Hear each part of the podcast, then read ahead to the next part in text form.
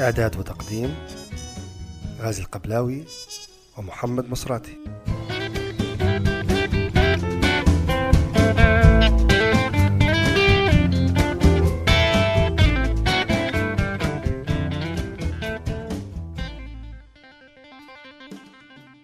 مرحبا بكم في هذه الحلقة الجديدة من بودكاست امتداد. امتداد برنامج ثقافي متنوع يبث عبر الإنترنت. في هذه الحلقة الجديدة من امتداد نقدم من خلال فقرات القراءات مقاربة للجوائز العربية الثقافية والأدبية الحديثة الموجودة على الساحة ونركز على الجدال والنقاش الدائري في المشهد الثقافي العربي حولها. ثم نقدم جولة إخبارية سريعة وفقرتنا الأخيرة ستكون تسجيل حصري للكاتب جمعة بوكليب وهو يقرأ فصلا من روايته المخطوطة نهارات لندنية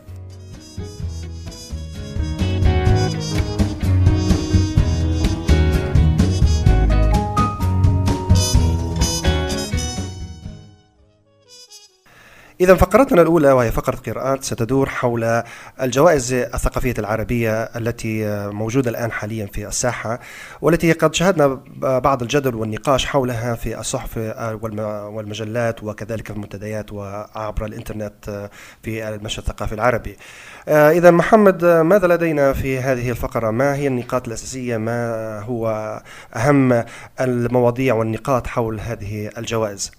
مرحبا بك قاسي آه، طبعا طبعا قبل ما نبدا نتكلموا على الجوائز العربية في الفترة الحالية وخاصة هي فترة الجوائز اللي أنا أعتبرها أنا. آه، نتكلموا على مرحلة ظهور الجوائز. نعم. يعني قبل عام 2005 على سبيل المثال كان في جوائز آه، تعتبر عادية بمبالغ مادية بسيطة جدا لكن كان الكاتب دائما يفتخر بها. نعم. على سبيل المثال نذكر على سبيل المثال جائزة سعاد صباح. يعني هذه كانت واحدة من الجوائز اللي كل الكتاب الشباب يهتموا بها. ليس على المبلغ المالي اللي تقدمها الجائزة. بل على آه، على لجنة التحكيم. دائما يكون في لجنة التحكيم من كتاب كبار ونقاد كبار ومحترمين. ودائما لجنة التحكيم تكون مكشوفة وأظن هي بعيدة كل البعد عن المصالح الشخصية أو الواسطات أو آه، أو العلاقات بين لجنة التحكيم والكاتب. نعم. وهناك جوائز أخرى يعني من الصعب الآن نذكرها وخاصة بعض يعني هناك بعض الجوائز الأخرى التي كانت موجودة ولا زالت موجودة كذلك ولكنها لم تختفي ولكن أعتقد أنها لم تعد تحمل ذلك الإبهار بعد خروج جوائز أخرى أصبحت على الساحة أكثر أعتقد أكثر ضجيجا من وتثير كثير من الجدل أكثر من غيرها. بعض من تلك الجوائز أذكر منها مثلا جائزه جائزة الشارقة الإبداعية وهي جائزة الإصدار الأول وهي مخصصة للكتاب آه، والأدباء والنقاد الذين ينشرون كتبهم للمرة الأولى. آه، كذلك هناك جائزة سلطان العويس المشهورة وهي كذلك لا زالت موجودة وهي أحد التجارب المعروفة في آه، اندماج أو أو علاقة تعاونية بين رأس المال أو الأعمال والثقافة. كذلك هناك جائزة آه، نجيب محفوظ آه، مشهورة في مصر وجائزة الرواية العربية في مصر. لا أستطيع أن أذكر. هناك طبعا جوائز كثيرة محلية سواء في آه، المنطقة المغاربية أو حتى في المشرق العربي. ولكن نركز أكثر على مثلا هذه الجوائز الحديثة. ما هي الجوائز الحديثة الموجودة الآن والتي أصبحت أكثر آه، جدلا من من قبل. آه، هناك طبعا جائزتين هما المشهورات خاصة جائزة آه، المعروفة بين قوسين ببوكر وهي طبعا فقط دعاية في الاسم. أنا أنا أراها أن هي فقط دعاية في الاسم. نعم. هي جائزة العالمية للرواية العربية أو كما أحب أن أطلق عليها جائزة العربية للرواية العالمية. نعم. آه أو باختصار إذا كان هناك أصحاب الاختصارات الذين يحبوا الاختصارات ممكن اختصارها بالحروف الأولى بالإنجليزية وهي إي باث آه نعم نعم, نعم. نعم. آه طبعا هناك جائزة الحديثة هي بيروت 39 والتي لا أعرف إن كانت سنوية أو مجرد يعني فقط آه نعم. آه دورة واحدة ولو أسماء ولو إن تسمية جائزة أو مسابقة أعتقد آه، تسمية غير صحيحة أيضا آه، للأسف يعني في في العالم العربي كله خاصة في الجوائز الأخيرة التي صدرت يعني نعم. كلها عبارة عن أسماء دعائية ليست أكثر. نعم. يعني لو كانت جائزة بوكر ال international مش مش داعمه العالمية مش داعمة لجائزة IPAF أو جائزة العالمية للروايه العربية آه، لم تكن تحظى بهذا الاهتمام. وطبعا يعني حتى في جوائز الترجمة اللي طلعت وجوائز أخرى. ولكن هناك الجائزة الآن بوكر هي الوحيدة بين العرب المعترف بها. عندما يقول شخص أنا دخلت القائمة الطويلة أو القائمة القصيرة لجائزة بوكر العربية. فهي تعطي تعطي الاهتمام كبير. نعم. وحول الجوائز اللي كانت قبل ظهور المعمع اللي طلعت الآن كانت حتى الجوائز المحلية أو الجوائز ذات القيمة المادية البسيطة جدا كان الكاتب دائما يعترف بها ويضعها في السيرة الذاتية آه، الأدبية له. أو وكانت تعطي نفس الاهتمام حتى في وأعتقد إنها الصحف العربية هو حتى التسمية أعتقد إن التسمية الآن الموجودة لماذا سميت لماذا يفضلون تسميتها ببكر العربية هو نتيجة وجود الاسم الأجنبي في داخلها. نعم. وأعتقد إن كثير من الكتاب والمثقفين العرب لا زالوا هناك لا زالوا يقعون في وهم أهمية ليس الاسم فقط ولكن الاعتراف من قبل الأجنبي أو بالاعتراف من قبل المؤسسات الثقافية والأدبية الأجنبية سواء كانت في الدول الأوروبية أو في الولايات المتحدة. اقبال دائما الكاتب حتى لو لم يكن مقروءا في بلاده أو على الخروج إلى يريد الكتابة آه، يريد الترجمة. يريد الترجمه نعم.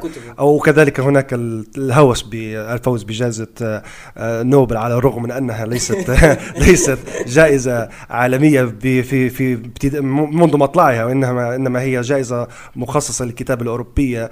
وبعد سنوات يعني اصبحت أصبحت نعم لا حتى قبل ذلك أصبحت تعطى لبعض بعض الثقافات الأخرى سواء كانت في الهند أو أفريقيا أو أمريكا اللاتينيه ولكن معظمها تكتب بلغات أوروبية ولم تكتب لم تكتب بلغات أخرى غير أوروبية إلا في القليل النادر.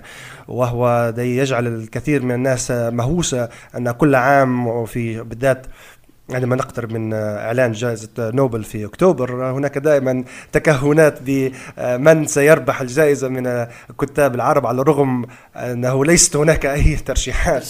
ولا يوجد ولا يوجد أي لا قائمة قصيرة ولا قائمة طويلة في هذا الصدد.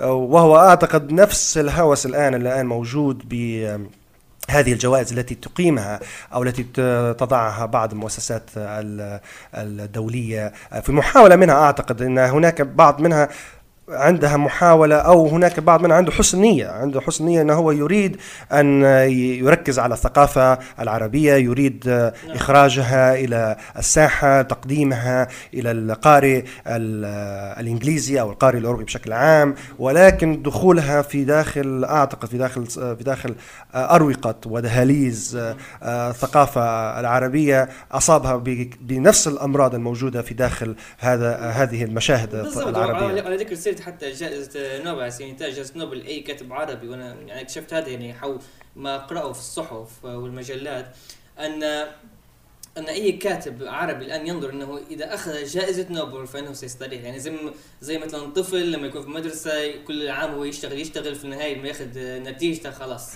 آه أصبحت الآن معترف هل تعتقد ان أن أن قيمتها بمليون دولار هو سبب أنه هناك سبب آخر أعتقد يجوز آه ممكن سبب ان هي جائزة آه. أصبحت الآن رغم عن الجميع أن هي جائزة عالمية يعتبر نعم, نعم. هي جائزة الكاتب الأول نعم نعم, آه نعم. وكان يعني وكأنها يعني اعتراف مدى الحياة ب ب نعم. بأسبقيتك وبقدرتك وبافضليتك ليس نعم. الكتابه لأنهم يخافون أن نعم. يعني ينحدروا طبعا طبعا. لا وبغض النظر على أن هناك بعض الأسماء التي ربحت ولم تكن وكانت مغمورة جدا وإلى الآن لا زالت مغمورة وغير معروفة يعني حتى لو إنها ربحت بجائزة نوبل. يعني إذا أتيت لأي أحد وسألته من جاء من فاز بجائزة نوبل سنة سنة 1910 لن يجيبك ولن يقرأ ولم يقرأ له ولم يعرفه ولم يكن مشهورا. وهو أكبر دليل على أنها أخذت طابعا أو اخذت أهمية وتميزا في السنوات القليلة الماضية آه، ماذا كذلك من نقاط لديك؟ في سؤال دائما يطرح نفسه بنفسه عندما يتم اختيار في الجوائز الحديثة الآن اللي طلعت كجائزة بوكر أو جائزة آه، بيروت 39 هل يتم اختيار النص المرشح أم الاسم؟ خاصة يعني الآن اذكر يعني بيروت 39 بعد ما طلع آه، على الأسواني بمقالته الشهيرة اللي تم اللي كانت مثل قنبلة نعم. يعني هل تعتقد هل هل نزال يتوجب عليه الإيمان بهذه الجوائز أم لا؟ لا لا هو أعتقد ان أن الهوس بالحصول على جوائز هو قد يكون دافع جيد للكثير من كتاب الكتابة والإبداع والتقديم الأفضل ولكنه ليس الهدف أعتقد أن مجرد مجرد التفكير بذلك هو آه، تحييد أو خروج عن الهدف الأساسي من الكتابة ومن الإبداع بأي شكل من الأشكال آه، هناك أيضا بعض الجوائز الأخرى أعتقد في في في المعنى الثقافي الكبير مثل جائزة الصحافة العربية آه، التي تقدمها يقدم نادي دبي للصحافة كل عام. وهي الآن وهي وهي في دورتها العاشرة الآن. آه، وهي أعتقد بعض أحد الجوائز التي آه، لاقت الكثير من الاهتمام وفيها كثير من المصداقية. ولكن دائما هناك أعتقد هناك كثير من الجدل يحدث في داخل في داخل أروقة هذه هذه الجوائز. هناك ديكتاتوريات ووسطها لا هناك هناك أيضا جوائز الجوائز التي أعطيت بأسماء حكام عرب مثلا في سبيل المثال لا نستطيع أن نعدد ولكن كثير منها معروفة وكثير منها تقدم وهي وقيمتها المادية كبيرة جدا ولكن ولكن ولكن ليس القيمة هل القيمة المادية هي الأهم أم القيمة المعنوية؟ وقيمة الأدب أو قيمة الكاتب الذي رشح لهذا هذا المجال؟ إلى جانب أيضا هناك هناك اعتقاد اعتقد في في داخل الوسط في داخل الاوساط ان من يربح آه، من يرد اسمه في جائزة سواء كان في قائمة طويلة أم قائمة قصيرة أم فوز سيكون آه، كأنه هو الأفضل في داخل منظومة كتاب. بمعنى أنه إذا كان مثلا ربح مثلا أحد كتاب معنى ذلك أن من هو في جيله أو من هو في داخل هذا الجيل سيظلم بمعنى أنه لن يقدم لن يقدم ولن يقرأ ولن يعرف إلا أعتقد بعد أن آه، يد... لن لا بعد أن يدخل القبر. عرفت؟ هناك حتى يعني يمكن يمكن لو ناخذ مثلا الجانب الايجابي لهذه الجوائز إن لم يكن هناك الجوائز مثل ما قال الكاتب السوري خالد خليفة أنه لن يكرم أبدا إلا عندما يصبح كاتبا عجوزا نعم وخاصة وهو ما يحدث في. في كثير من الأحيان الدول العربية نعم. يعني نعم. إن الجائزة نريد نحن جائزة تكون عربية تكون لها مصداقية تكون آه، لها سمعة طيبة آه، الفائز بها يحصل على كثير من الإقبال من القارئ من الجمهور ولكن ليست مبنية على على علاقات شخصية. شخصية نعم أو على مثلا من هو صوته أعلى أو ضجيجه أعلى بالضبط. أو من هو على سبيل المثال آه، هناك طبعا الكثير من الأسماء التي فازت عن جدارة وعن كفاءة بدون شك وهو ما هو أحد الأشياء الإيجابية في هذه الجوائز نعم. ولكن ولكن في كثير من الأحيان نجد هناك من هم آه، عندهم مثلا القدرة على إيصال أصواتهم أكثر من غيرهم هم أقرب لعقل وتفكير آه، سواء آه، لجنة التحكيم التي الآن لا زالت مجهولة في في مثل جائزة بكر العربية التي لا نعرفها. وأعتقد وهو كذلك إيهام بإعطاء مصداقية ونزاهة أكثر الجائزة على الرغم معنى ذلك أعتقد آه، غير صحيح. معنا مثل ما قلت أحيانا في كتب يعني طلعت يعني جديرة بالقراءة أو جديرة بالإهتمام و مثل جاء على سبيل المثال مثل جاء آه، مثل رواية عزازيل مثلا مثلا هذه نعم. هذه روايه تستحق التقدير تستحق نعم. أكيد. الفوز بدون شك وهذا يعني نعم. يعني آه، أتلج صدري يعني مثل ما يقولوا نعم. يعني بعد ما طلعت وبعد ما قرأت الرواية قلت هذه روايه تستحق أكثر من جائزة جائزة إيباف أو الرواية العربية الجائزة العالمية للروايه العربية هو هو أعتقد الهدف الأساسي من أي جائزة، أنا لا أعتقد إن الهدف الأساسي من أي جائزة ايا كانت أو أي تكريم بأي حال. آه، هو تقديم آه، بعض النقود أو بعض الجوائز للكتاب أو مثلا نشر كتابهم أو حاجة من هذا القبيل، ولكن الأساس هو آه، تعميم تعميم ثقافة القراءة.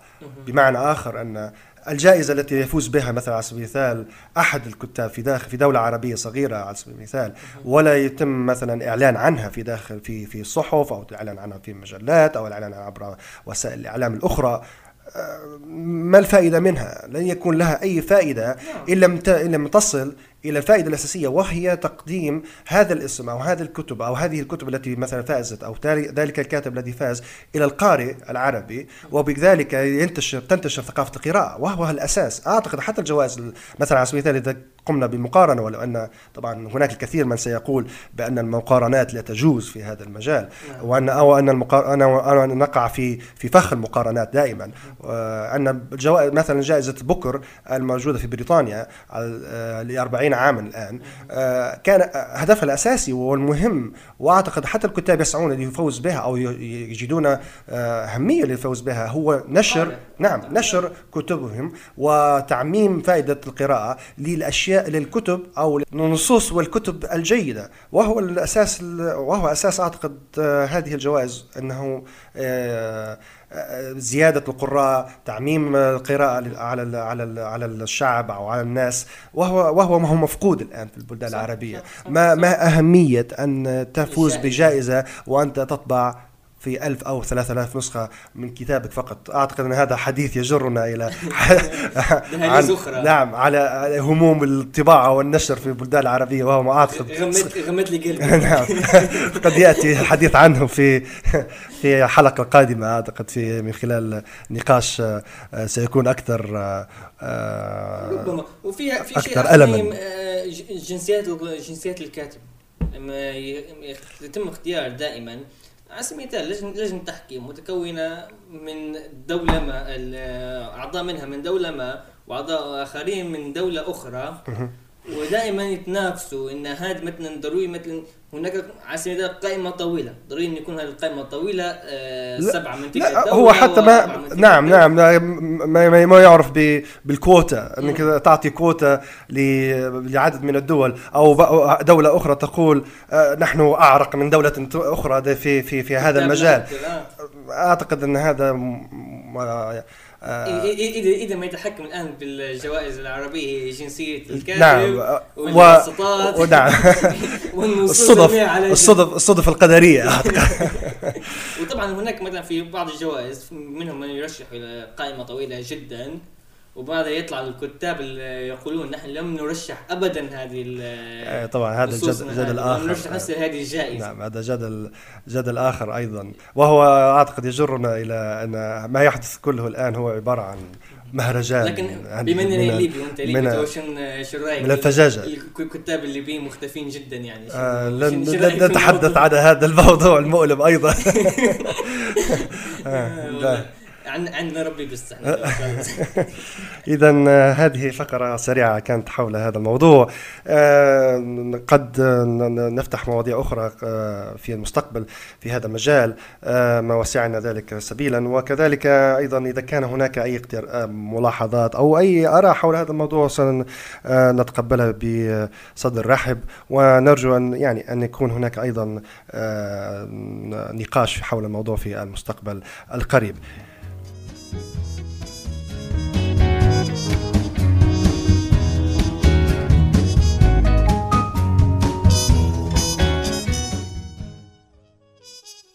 جولة إخبارية سريعة أعلن مساء يوم 17 نوفمبر عن القائمة الطويلة للجائزة العالمية للرواية العربية وقدمت القائمة عدد من الكتاب العرب من لبنان، مصر، سوريا، العراق، السعودية، الأردن، الجزائر وفلسطين.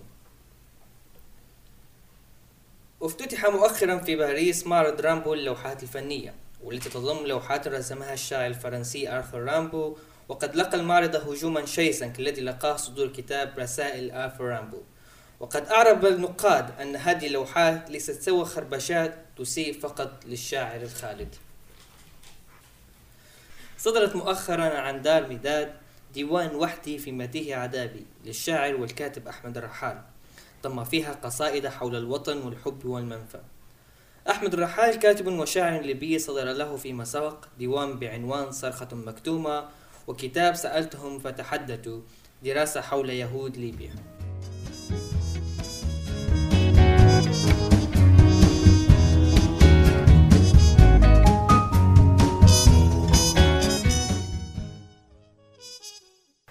إذا شكرا محمد على هذه الجولة الإخبارية السريعة. فقراتنا الأخيرة ستكون تسجيل حصري آه، لكاتب جمعة بوكليب وهو يقرأ فصلا من روايته المخطوطة التي لم تصدر بعد وهي بعنوان نهارات لندنية.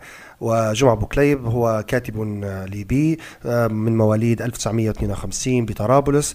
آه، صدر له حكايات من البر الإنجليزي في طبعتين الطبعة الأولى آه، عن دار ليبيا للنشر العام 2008 والطبعة الثانية العام 2009 عن دار الفرجاني.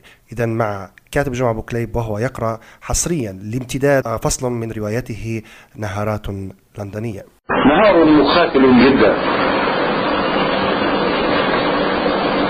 غادرت دفء وحشة شقتي قرابة الظهر في يوم الأحد وسرت على قدمين واهلتين متمهلا وحيدا لا ألوي على شيء باتجاه محطة قطارات ويمبلدون حين لمحته صدفة في ألكسندرا رود ملتحفا صمتا وقابعا وحيدا على إفريز نافذة شقة الطابق الطابق الأول.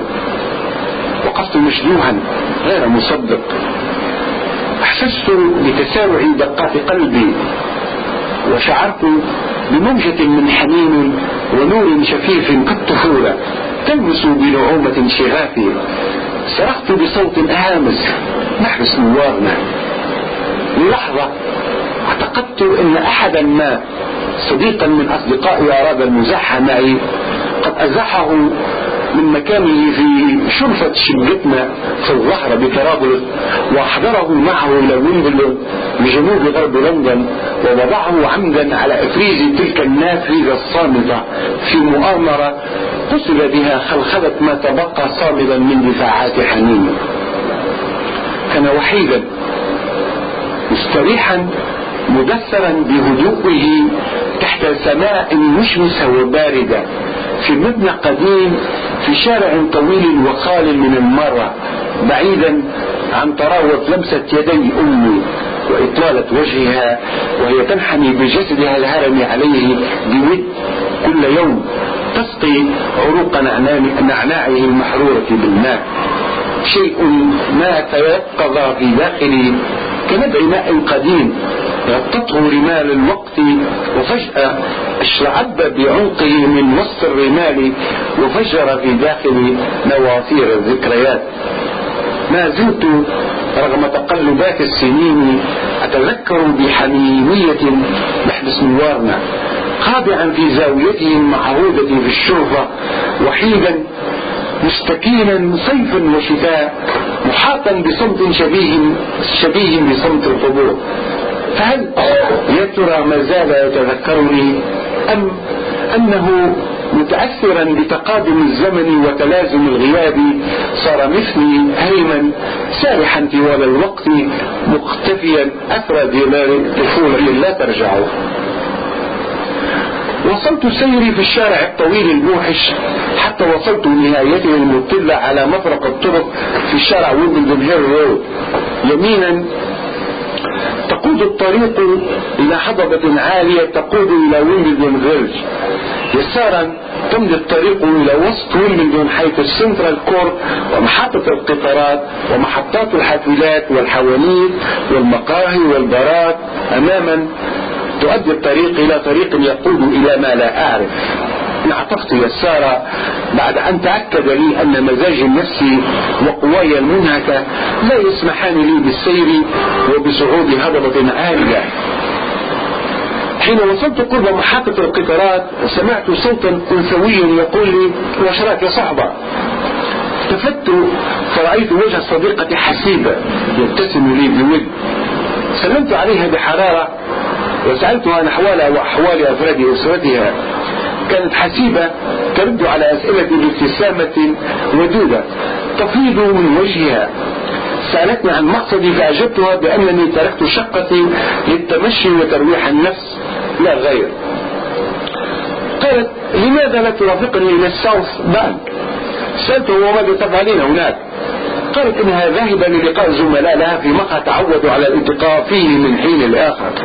قالت أيضا إنني لن أندم على رفقتها. جملتها الأخيرة جعلتني أقطع حبل التردد مشينا معا إلى محطة القطارات. صديقتي حسيبة جزائرية من العلمة بسطيف تعمل في إذاعة البي بي سي بالقسم العربي محررة أخبار وتعرفت بها من سنوات في قاعة الكوفة في الشارع ويستبورن رود بمنطقة كوينزواي وصرنا أصدقاء خاصة بعد انتقالها للسكنى في ويمبلدون مع زوجها الإنجليزي لذلك كثيرا ما نلتقي في محطة القطارات. استقبلنا القطار وجلسنا على مقعدين متجاورين وحكيت لها بالتفصيل الممل ما حدث لي مع محبس نوارنا وحين انتهيت من قصتي سألتها أهو الحنين؟ ضحكت حسيبة ثم سألتني الحنين إلى فردوس مفقود أم إلى جنة موعودة؟ فاجأني سؤالها قلت ربما إلى كليهما. رمتني حسيبة بنظرة أقل ما توصف بأنها مرة. ثم قالت بالإنجليزية من لا يستطيع تحمل الحرارة لا يدخل مطبخ هل سمعت هذا المثل الإنجليزي من قبل؟ أجبت بهزة من رأسي بالإجاب وسألتها. ماذا تقصدين قالت علمني العيش الطويل في هذه البلاد ألا أنظر ورائي. كل ما, كل ما يهمني هو المستقبل. أنت حنينك إلى ماض أليم وهذا يذكرني بنوع من الناس من الناس الشاذين الذين يحبون تعريض أنفسهم للتعذيب. أنا حنيني إلى مستقبل أكثر إشراقا. سألتها مستنكرة والوطن يا حسيبة والأهل والأحبة والطفولة والصبا تساءلت حسيبة بصوت جاد. هل تسمي بلادا يحكمها قتل ولصوص وقوادون وطنا هل تسمي بلادا تخصي فحولها وطنا. من يختار العيش في منفى؟ عليه أن يتعلم أبجدياته. وأبجدي وأبجدية منفانا تبدأ بأن تدوس بقدم صلب على قلبك. ثم تمضي للأمام قدما محرما على نفسك الالتفات إلى الوراء. لا حميم إلا إلى المستقبل يا حبيبي. والأهل والأحبة والطفولة والصبا يا حسيبة. الله يكون في يا صحبة تذكرت في تلك اللحظة مقطعا من أغنية قديمة لفرقة جيل جلال المغربية يقول وعداد من تسير في الدنيا نيران في قلوب أحبابك مضرومة رددت المقطع رددت المقطع على مسمعها وطلبت تفسيرا منها. ضحكت حسيبة وقالت إنها لا تظن أن للمقطع علاقة بما نحكي. ثم غيرت الحديث بسؤال عن آخر مشاريع الكتابية وجدت فرصة مناسبة ليحكي لها, ليحكي لها عن مشروع الرواية التي أفكر في كتابتها. مشروع الرواية أن واحد كان يفكر أن الرواية كيف تتعلم كيف تقتل زوجك في خمسة أيام بدون معلم. آه. ولما انتهي ولما انتهيت من ذلك طلبت رأيها في الفكرة كامرأة وزوجة ما زلت أذكر النظرة التي رمتني بها عيناها. سألتني إن كنت جادا فيما قلت. فكدت لها ذلك. فلم ترد. سألتها رأيا مرة أخرى فقالت لي إنها لا تريد الخوض في الموضوع لأن صراحتها سوف تسبب لي الكدر والحزن. حين وصل القطار محطة لندن وطرو نهضنا من مقعدينا وغادرنا القطار متوجهين إلى الساوث بانك سيرا على أقدامنا. لم نتبادل كلمة في الطريق حتى وصلنا إلى مقهى صغير يقع في ناحية قريبة من النهر. رؤية النهر في استرخائه المعهود والرتيب دائما تنعش قلبي. فأحس بالحبور يتسلل فرحا كطفل إلى حنايا روحي. اتجهت هي وأنا أتبعها نحو منضدة قريبة من الباب يجلس حولها رجلان وسيدتان. أطلقت هي السلام وسحبت كرسيا وجلست ثم قدمتني إليهم باسمي.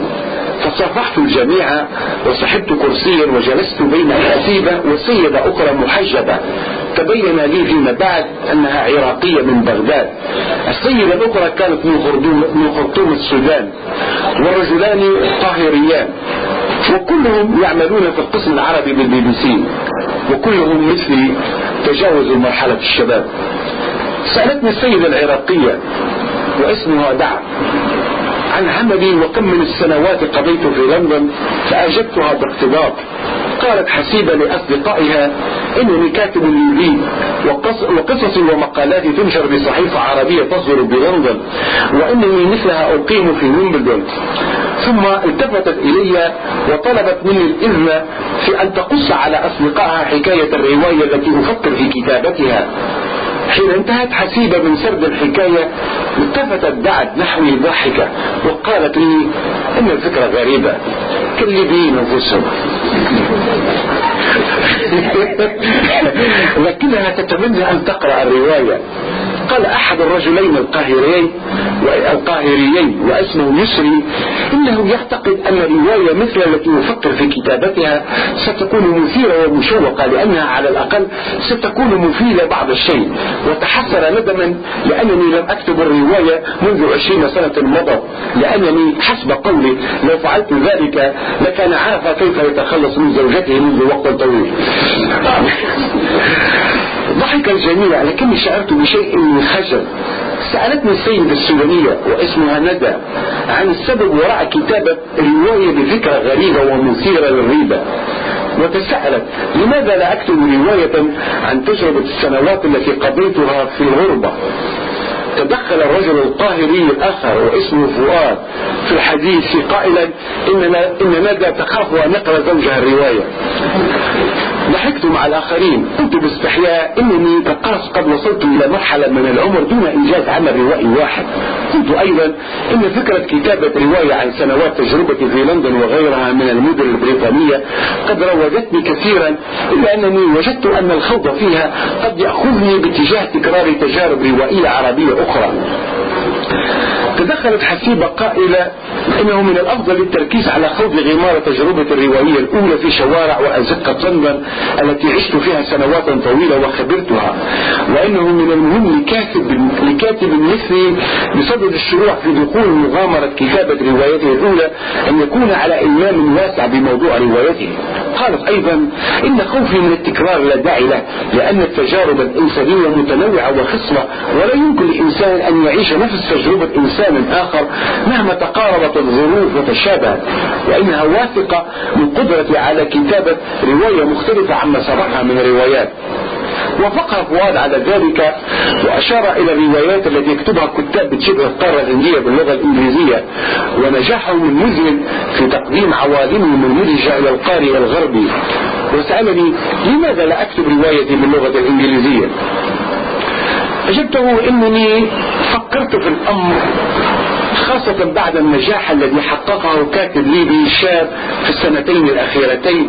إلا أنني عدلت عن الفكرة بعد أن تأكد لي أن الكتابة باللغة الإنجليزية بالنسبة لي مثل فريق كرة قدم يلعب بعيدا عن أرضه وجمهوره.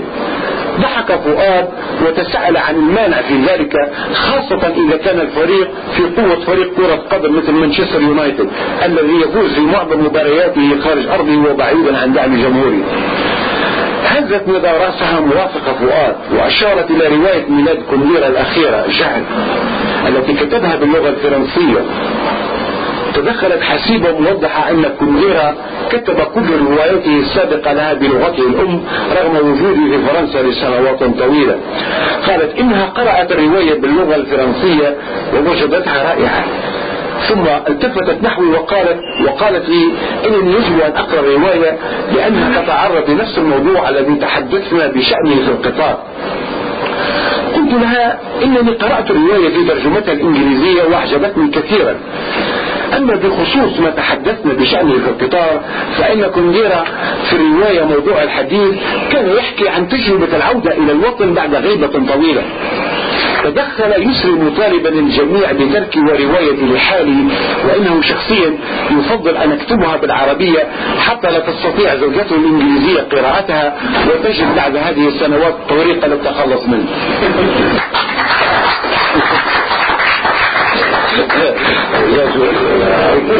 كم شوية لا الصف. تكفل الجو المرح في تلطيف بعد توتر بعد توتر الذي لازمني منذ أن وصلت إلى المقهى مع حسيبة. انتهزت الفرصة والتفت إلى حسيبة وقلت لها إنني آمل أن تسمح لي كما سمحت لها لأن أروي للأصدقاء الحاضرين الحوار الذي دار بيننا في القطار. ضحكت حسيبة وقالت لي إنها لا تمانع. سألت تفاصيل ما حدث وحين انتهيت طلبت من الجميع الإدلاء بإلهي ساد صمت قصير ثم انفجر فؤاد ضاحكا وقال إنه دوما كان يعتقد أن حسيبة مجنونة إلا أنها هذه المرة أثبتت خدع اعتقاده. قال أيضا إنه يتفق مع حسيبة مئة بالله وأن حنين أمثالنا يجب أن ألا يكون إلا لمستقبل مختلف وأكثر إشراقا. وضاف أنه لا يعاني من داء الحنين الوطني والعودة للعيش فيه لأن كل أساسات حياته قد تأسست بعيدا عنه. قالت بعد إنها تختلف مع وجهة نظر حسيبة وفؤاد لأن الحنين قد يكون للماضي كما قد يكون للمستقبل. تدخلت في الحديث متسائلا وماذا عن الوطن؟ قالت ندى إنه من الممكن على المرء أن يحمل وطنه معه في قلبه أينما سار وحل. وإن الوطن بتعريفه التقليدي الجغرافي ليس هو الوطن الذي تفكر فيه وتحن إليه. قالت أيضا إنها تحن إلى أهلها وأحبابها لكنها لا تحن إلى السودان كبلد على ما هو عليه من فوضى وفساد ولا تتمنى لأطفالها العيش فيه أو في أي بلد آخر مثله. تدخل يوسف متسائلا ما ذنب الوطن في الفساد؟ الوطن هو الوطن. هل يفترض أن يحب الإنسان وطنه أو يحن إليه إذا كان منخورا بالفساد؟ وضاف إن الفساد ليس حالة أبدية. إذا وجد اليوم فإنه يحتمل أن يوجد في الغد. وإن الأمر متعلق بالناس والظروف التي تعيش فيها والتي تمر بها. وتساءل هل أمريكا وبريطانيا دخلوا من الفساد؟ قالت حسيبة إنها تتمنى على يسري أن يعود إلى مصر ويجرب العيش فيها بعد هذه السنوات الطويلة بعيدا عنها. قالت إنها كلما حاولت إقناع نفسها بالعودة إلى الجزائر والعيش فيها تبين لها استحالة ذلك لأنها لو حاولت ستصاب بالجنون من لا, من لا, لا معقولية ما يحدث هناك. فسأل يسري هل يعني ذلك انك ارتضيت بريطانيا وطنا ردت حسيبة بسرعة قائلة إنها تحمل وطنها في قلبها كحلم وإنها لا تريد أن تفكر في الجزائر أكثر من كونها مسقط رأس لا غير ولا تفكر ببريطانيا أكثر من كونها مكانا مناسبا للعيش لها ولأفراد أسرتها لكن وطنها الحقيقي لن يكون في الجزائر أو في بريطانيا. قالت بعد ضحكة إنها تتمنى أن تعرف إلى أي وطن تنتمي حسيبة. ردت حسيبة قائلة إن وطن حسيبة يسمى حسيبة. فدخل فؤاد قائلا إن حسيبة قد عادت إلى سابق جنونها وأنه ليس على المجنون من حرج. ثم نهض من مكانه وقال إنه يود الاستاذان للمغادرة لأن زوجته في انتظاره. ثم التفت إلي وقال إنه يعرف أنني لم أكتب روايتي بعد لكنه يعمل أن أسر إليه على انفراد بحل مؤقت ووقت يمكنه من التخلص من زوجته حتى يكون بإمكانه في المرة القادمة عدم مغادرة جلسة لطيفة كهذه ضحك الجميع. وعلق يسري قائلا إن فؤاد جبان وإنه لو فكر مجرد التفكير في ذلك لعلم زوجته ولكانت وقعته سوداء في محطة قطارات لندن واترلو وقفت يداي في جيب بنطال الجينز إلى جانب حسيبة. محدقين بعيوننا في الشاشة الإلكترونية التي تعرض مواقيت مغادرة القطارات إلى مختلف الجهات. كان آخر ضوء للنهار قد غادرنا على قطار سبقنا والمحطة تبص للبشر المتسارعين المتعجلين على اللحاق بقطاراتهم أو بما لا أعرف. بالقرب منا وقف الشاب وفتاة في عزلة كاملة عما حولهما مستغرقين في قبلة طويلة. شكرا